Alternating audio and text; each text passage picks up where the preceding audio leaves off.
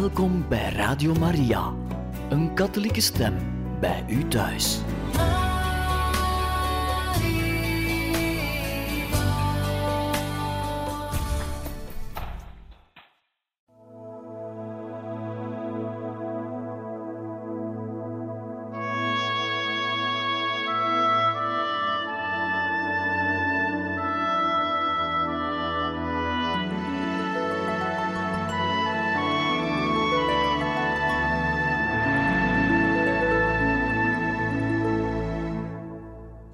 Van harte welkom, beste luisteraars van Radio Maria, bij het programma Heiligen Getuigen.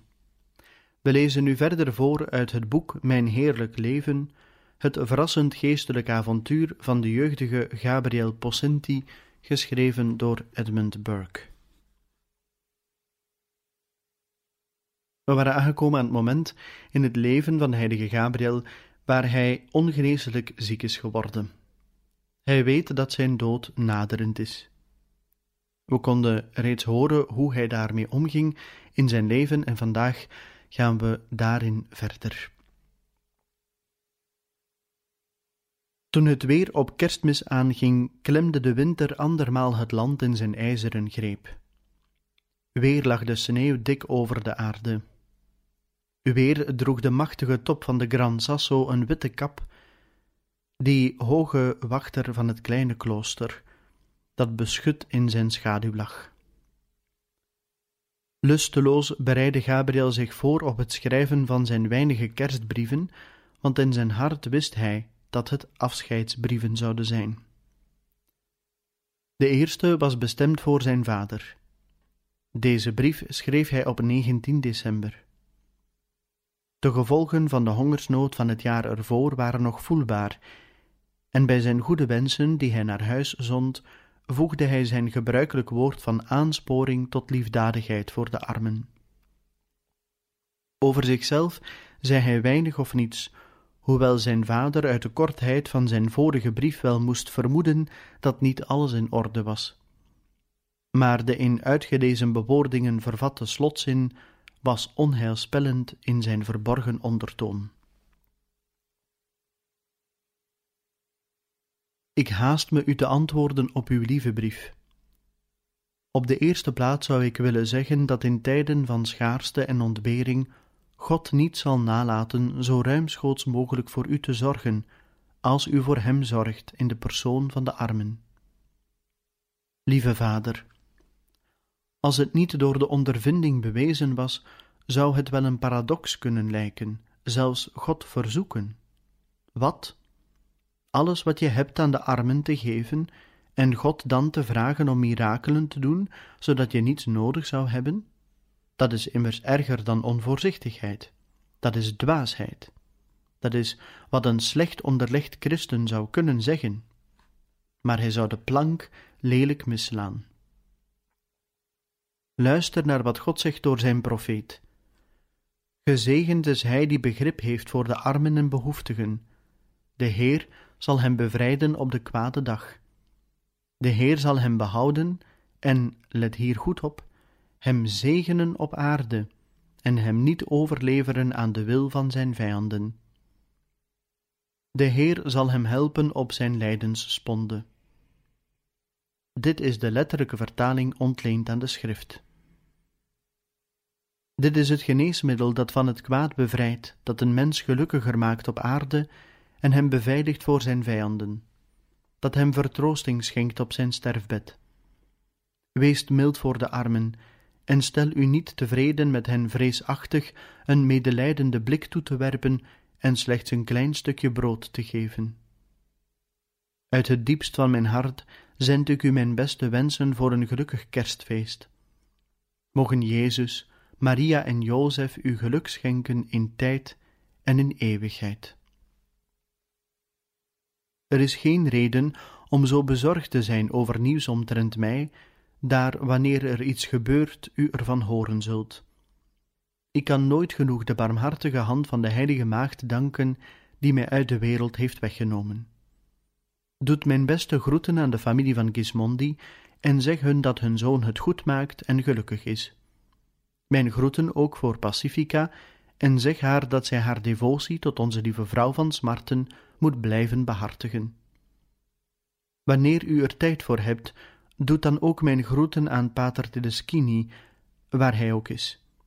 Stort een bijzonder gebed te mijner intentie tot Jezus en Maria, de moeder van smarten. Dit is het kerstgeschenk dat u, naar ik hoop, mij zult willen geven. Ondanks zijn thans chronische zwakte probeerde Gabriel ernstig toestemming te verkrijgen om te mogen deelnemen aan de kerkdiensten in de kerstnacht. Het was altijd een van zijn geliefkoosde feesten geweest, daar de armoede van Bethlehem een van zijn geliefde onderwerpen van overweging was. Maar de plechtigheid van de vigilie, die de plechtige metten en de middernachtmis inhielden, duurden vaak meer dan drie uren. Dit zou kennelijk te veel van zijn verzwakte krachten gevergd hebben, en dus werd de toestemming geweigerd. Als bijzondere tegemoetkoming werd hem toegestaan op een plaats in het koor alleen de middernachtmis bij te wonen. Hij deed zijn kerstcommunie met grote godsvrucht en zijn dankzegging was opmerkelijk langdurig. Op 30 december schreef hij een lange brief aan Michael, die nu dokter was en een praktijk had in Ancona.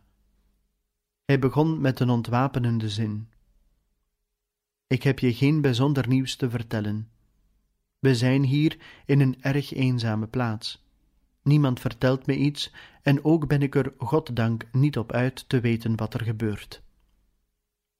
In deze brief richtte hij een bijzondere mededeling aan zijn zus Teresa.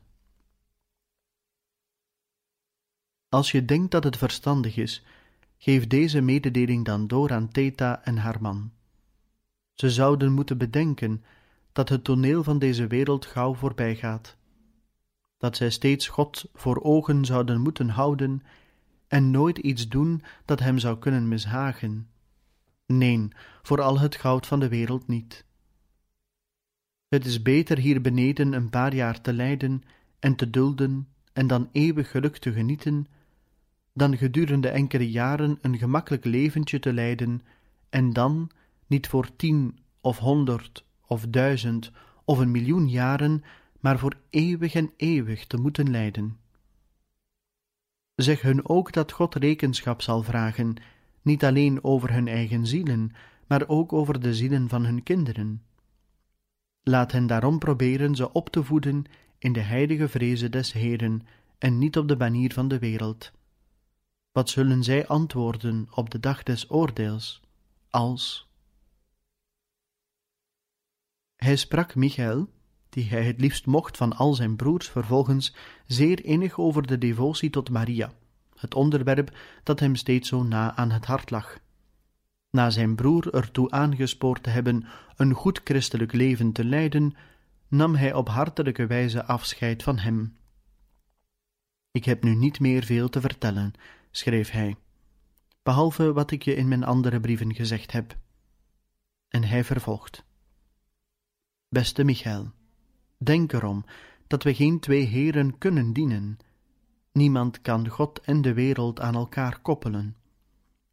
Bedenk dat het een vergissing is te menen dat men gered kan worden door een paar gebeden te zeggen, een paar goede werken te doen en tegelijkertijd zijn hart gehecht houden aan schepselen, aan genoegens, aan een plezierig leventje. Je weet dat Christus gezegd heeft dat de weg naar de hemel smal is. En elders zegt hij: Wie mij ook volgen wil, laat hij zichzelf verloochenen, zijn dagelijks kruis op zich nemen en mij volgen.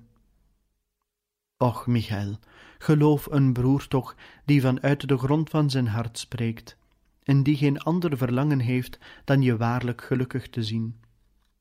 Het verlangen om zulke plaatsen, schouwburgen enzovoort, zonder werkelijke noodzaak vaak te bezoeken is hoogst gevaarlijk.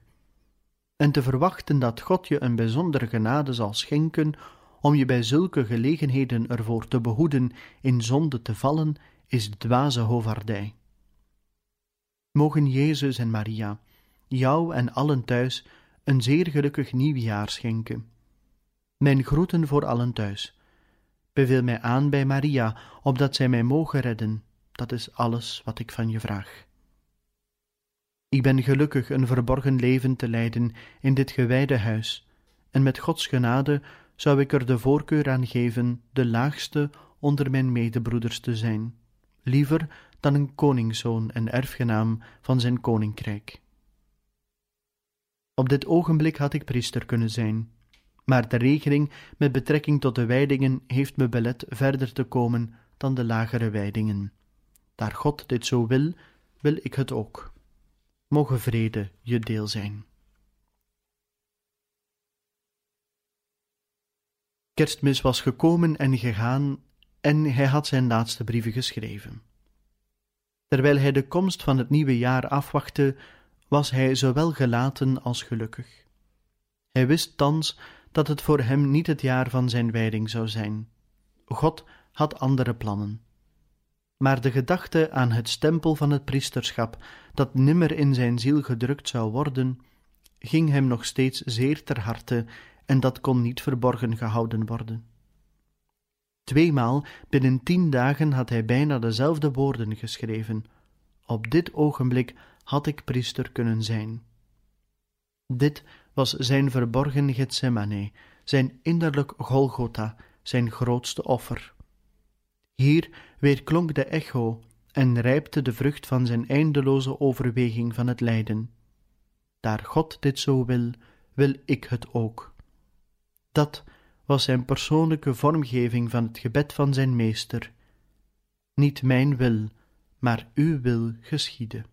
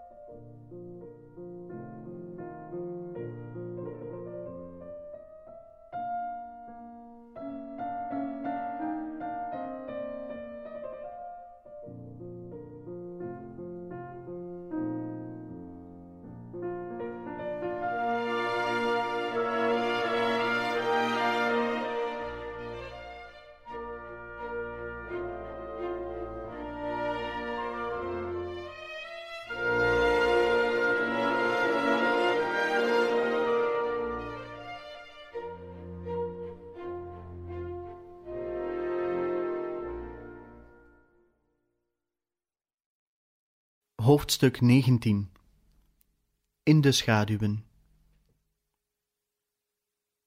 Op het eind van januari was de meeste sneeuw verdwenen van de weiden en velden van het klooster, maar op de hoge toppen van de Gran Sasso bleef de witte mantel ongerept.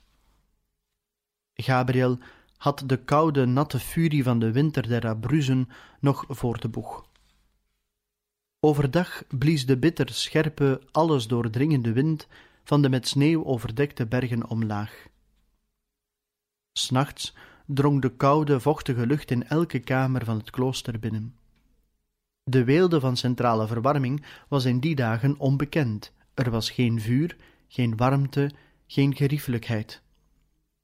Als soldaten in actieve dienst aanvaarden de jonge studenten der passionisten zulke ongemakken als een deel van hun dagelijks leven.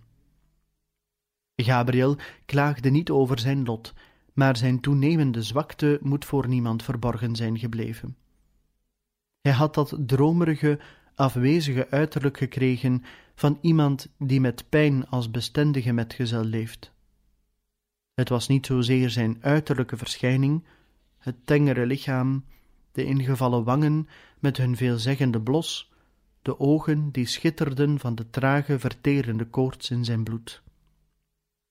Het was zelfs niet zijn langzame tred, zijn vluchtige adem, zijn doorgaans vriendelijke, bedeesde manier van doen.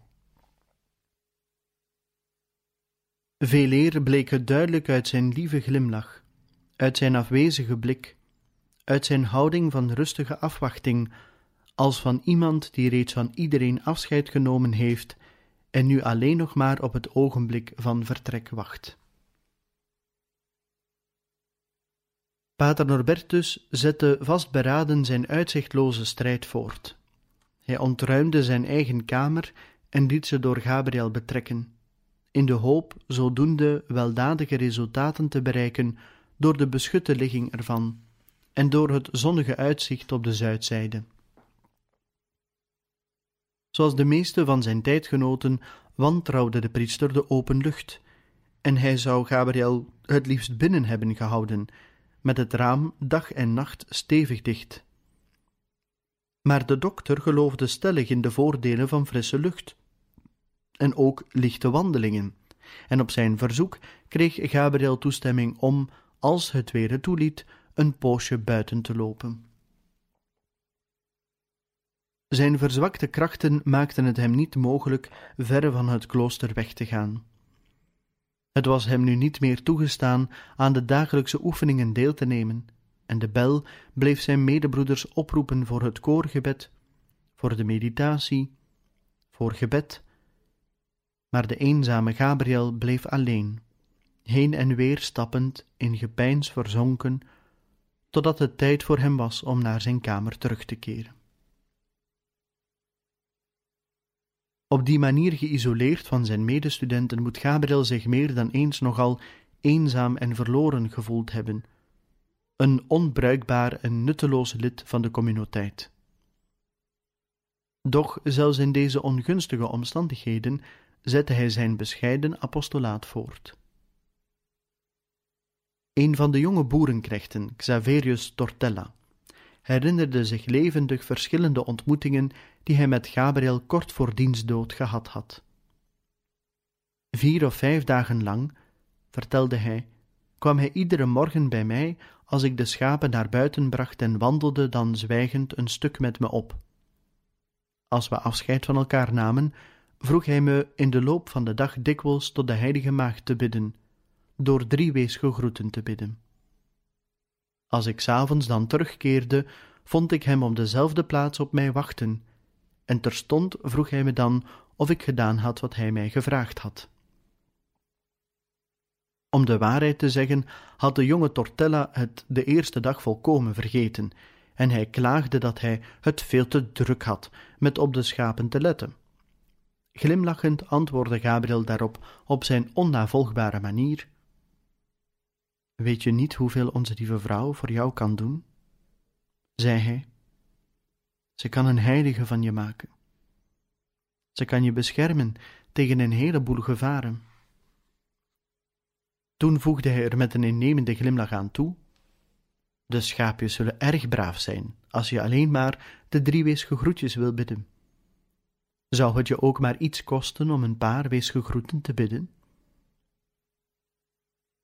Zelfs als bejaard man herinnerde de herder zich levendig de toon van zijn stem en ook dat hij dat op zulk een beminnelijke manier tegen mij zei.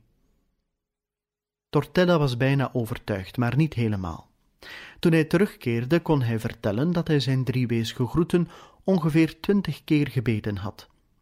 Maar Gabriel was nog niet voldaan. De volgende dag had hij een medaille van onze lieve vrouw aan een koordje meegebracht, en daarmee hing hij de medaille om de hals van de jongen. Luister, Xaverius, zei hij ernstig. Wil je vandaag, alsjeblieft, drie weesgegroeten bidden, telkens als je die medaille ziet? En ditmaal was Tortella zo onder de indruk dat hij de hele dag door bad, zoals hij nadrukkelijk verklaarde, van s morgens tot s avonds. Toen hij s'avonds Gabriel van zijn succes sprak, klaarde het gezicht van de heilige met een zo stralende glimlach op, dat de arme herdersjongen de tranen in de ogen sprongen. Het was Gabriels laatste poging om zijn belofte te houden om de devotie tot Maria te verbreiden. De volgende morgen was Gabriel niet op de gewone plaats. De jonge herder zag hem nooit meer. Nog steeds deed Gabriel moedige pogingen om tegen zijn toenemende zwakte te vechten, maar in zijn hart wist hij dat hij niet meer kon hopen op de overwinning. Op zondag 16 februari strompelde hij met moeite de trap af om naar de kerk te gaan, waar hij de heilige mis bijwoonde, de communie ging en nog een mis overbleef voor zijn dankzegging. Het was een te grote inspanning. Naar adem snakkend, terwijl hij weer de trap opklom, bereikte Gabriel langzaam zijn kamer. Zijn laatste reserve aan kracht was verbruikt, hij kon niet meer. Gehoorgevend aan de aandrang van de bezorgde pater Norbertus, ging Gabriel liggen om te rusten en bracht de maandag in bed door. Het was een voorzorgsmaatregel tegen het gevaar van te grote inspanning, maar het bleek te laat.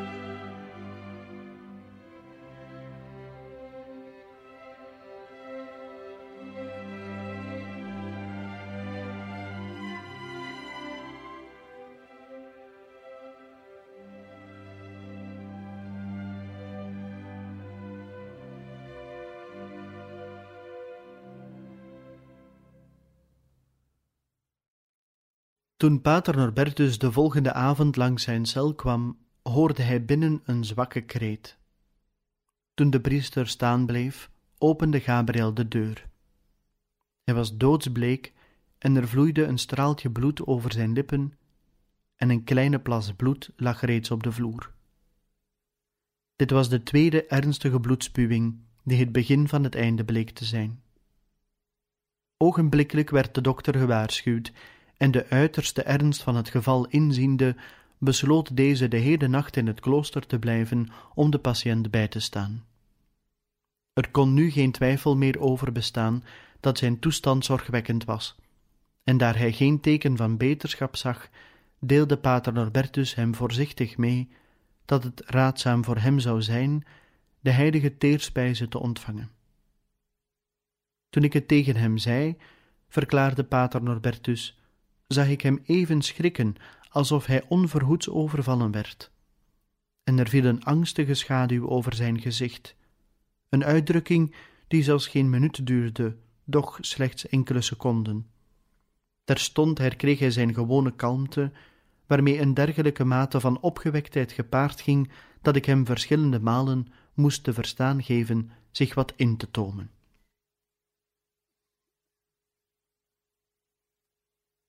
Hoewel het nu laat was, even over negen uur op dinsdagavond, de 18e februari, werd er verder geen tijd verloren. Gabriel was goed voorbereid om de goddelijke gast te ontvangen, maar hij wilde het plechtige ogenblik op een bijzondere manier kenmerken. Hij verzocht pater Norbertus hem toe te staan uit bed te komen en op de vloer neer te knielen om het viaticum te ontvangen. Toen hem dit geweigerd werd, vroeg hij of hij dan tenminste in bed mocht knielen, ten teken van eerbied en aanbidding. Ook dit verzoek werd afgewezen, en Gabriel verzoende zich daar zo goed mogelijk mee. Rustig en beheerst wachtte hij op de komst van zijn Heer in het sacrament. De gedachte die hij vroeger zo dikwijls geuit had, kwam weer bij hem op. In ons stervensuur kunnen wij zeggen: Lieve Jezus, ik heb u zo dikwijls welkom geheten in mijn armzalig hart. Thans kunt gij mij verwelkomen in het paradijs. Het avondgebed was nog niet lang beëindigd toen de communiteit langzaam en processiegewijs het heilig sacrament vergezelde naar de kamer van Gabriel. De flikkerende vlammetjes van de kaarsen verlichten de enge cel en wierpen donkere, groteske schaduwen op de witgekalkte muren. Maar het stralende gelaat van de stervende heilige scheen dat zwakke licht te overstralen. Nederig vroeg hij allen vergiffenis voor ieder slecht voorbeeld dat hij gegeven mocht hebben, voor ieder vergrijp tegen de naaste liefde. En toen vroeg hij hun allen voor hem te bidden in zijn uur van benauwenis. Toen zij de zwakke stem hoorden, die soms tot een nauwelijks hoorbaar gefluister overging, weenden velen van hen in stilte. Eerbiedig en met tranen in de ogen ontving hij toen met buitengewone godsvrucht de heilige communie, en hij bleef als in vervoering in zijn dankzegging verzonken. Degenen die bij zijn bed stonden dachten dat hij de nacht niet meer zou halen, maar Gabriel wist dat zijn tijd nog niet gekomen was. In de loop van de nacht wendde hij zich tot zijn oppasser en zei: Als de Heer mij vannacht tot zich zou willen nemen, dat zijn wil dan geschiede maar ik vrees te voorzien dat de ziekte nog wel een poosje zal aanhouden, en dat spijt me. Maar wat er ook gebeure, zijn wil geschieden altijd. Toen herhaalde hij met tussenpozen een van zijn geliefkoosde schietgebeden. Moge de allerheiligste, allerbeminnelijkste en alleraanbiddelijkste wil van God steeds geschieden. Pater Norbertus bleef de hele nacht in de kamer om te zien of hij iets nodig had. Toen zij even een paar minuten alleen waren, wenkte Gabriel hem naderbij. Hij wees naar zijn tafel en zei zachtjes: Pater, in de la van dat tafeltje ligt een opschrijfboekje waarin ik de genaden heb opgeschreven die ik, naar ik zeker weet, door onze lieve vrouw verkregen heb. Ik ben bang dat de duivel er gebruik van zal maken om mij tot ijdelheid te verleiden. Beloof me het mee te nemen en het niemand te laten zien. Dat beloof ik, zei pater Norbertus, en meer nog, ik beloof dat ik het zelf niet eens zal inkijken. Goed, zei Gabriel, en voegde er glimlachend aan toe: Denk erom dat iedere belofte gehouden moet worden. Terstond maakte de priester de la open, nam er het kleine opschrijfboekje uit en verwijderde zich om het te vernietigen. Kort daarna kwam hij terug om Gabriel de verzekering te geven dat hij zijn belofte gehouden had. Het opschrijfboekje bestond niet meer, het was verbrand en tot as vergaan. Er is heel wat geschreven over dat incident, en het nageslacht is misschien veel te hard geweest in zijn oordeel over Pater Norbertus.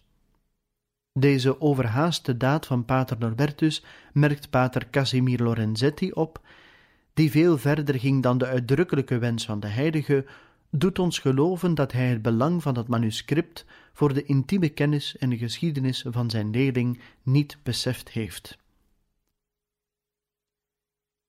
Doch alvorens een uiteindelijk oordeel te vellen, is het van belang alle feiten te kennen. In zijn getuigenis in het proces geeft Pater Norbertus zijn eigen herinnering weer van wat er gebeurde.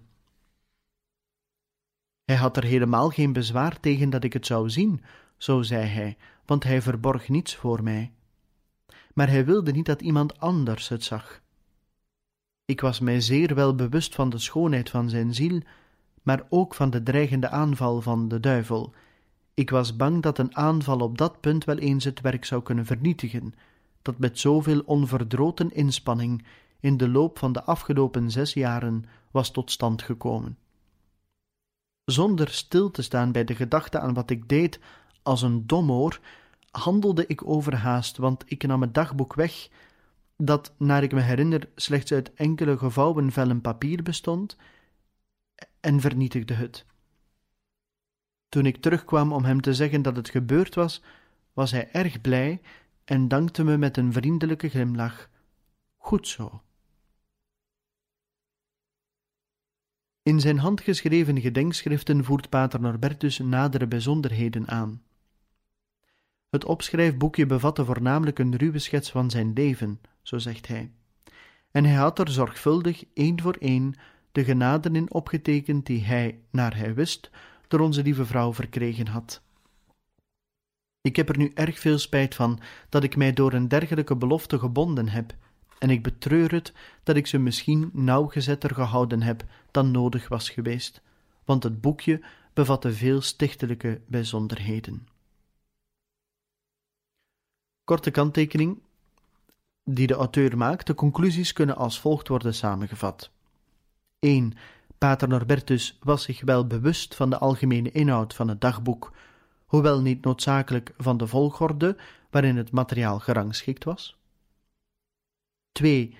Gabriel vroeg Pater Norbertus niet het dagboek te vernietigen, maar alleen het weg te nemen en het niemand te laten zien. 3.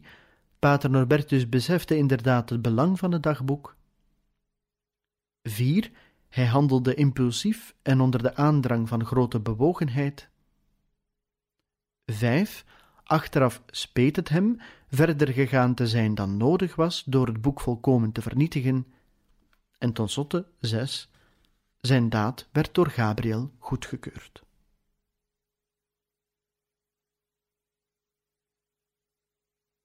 Als een verdere verzachtende omstandigheid mogen eraan worden herinnerd dat Gabriel stervende was en dat Pater Norbertus alles deed wat menselijkerwijze mogelijk was om zijn laatste uren te verlichten en te vergemakkelijken.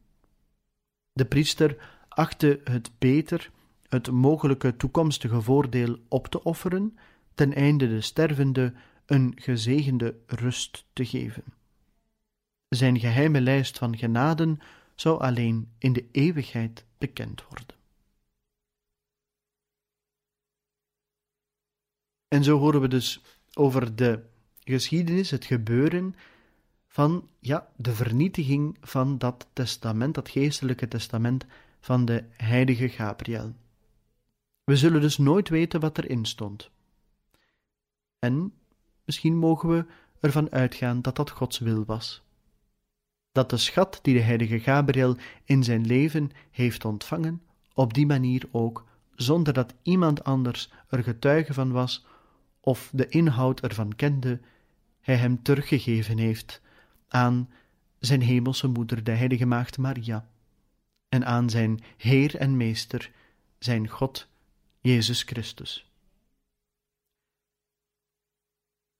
U hoort we naderen langzamerhand het einde van het leven van de heilige Gabriel. En volgende keer gaan we nog een stuk verder in het verdere verloop van het leven van de heilige Gabriel van onze lieve vrouw van Smarten. En dan lezen we u in de laatste aflevering verder voor uit het boek Mijn heerlijk leven, het verrassend geestelijk avontuur van de jeugdige Gabriel Possenti, geschreven door Edmund Burke. En hoop ik dat u er ook voor een laatste keer in dit boek er wenst bij te zijn. En dan zullen we samen op weg gaan naar het levenseinde van de heilige Gabriel van onze lieve vrouw van Smarten, het moment waarop hij het tijdelijke voor het eeuwige inruilt. Van harte dank en nog een bijzonder fijne dag gewenst.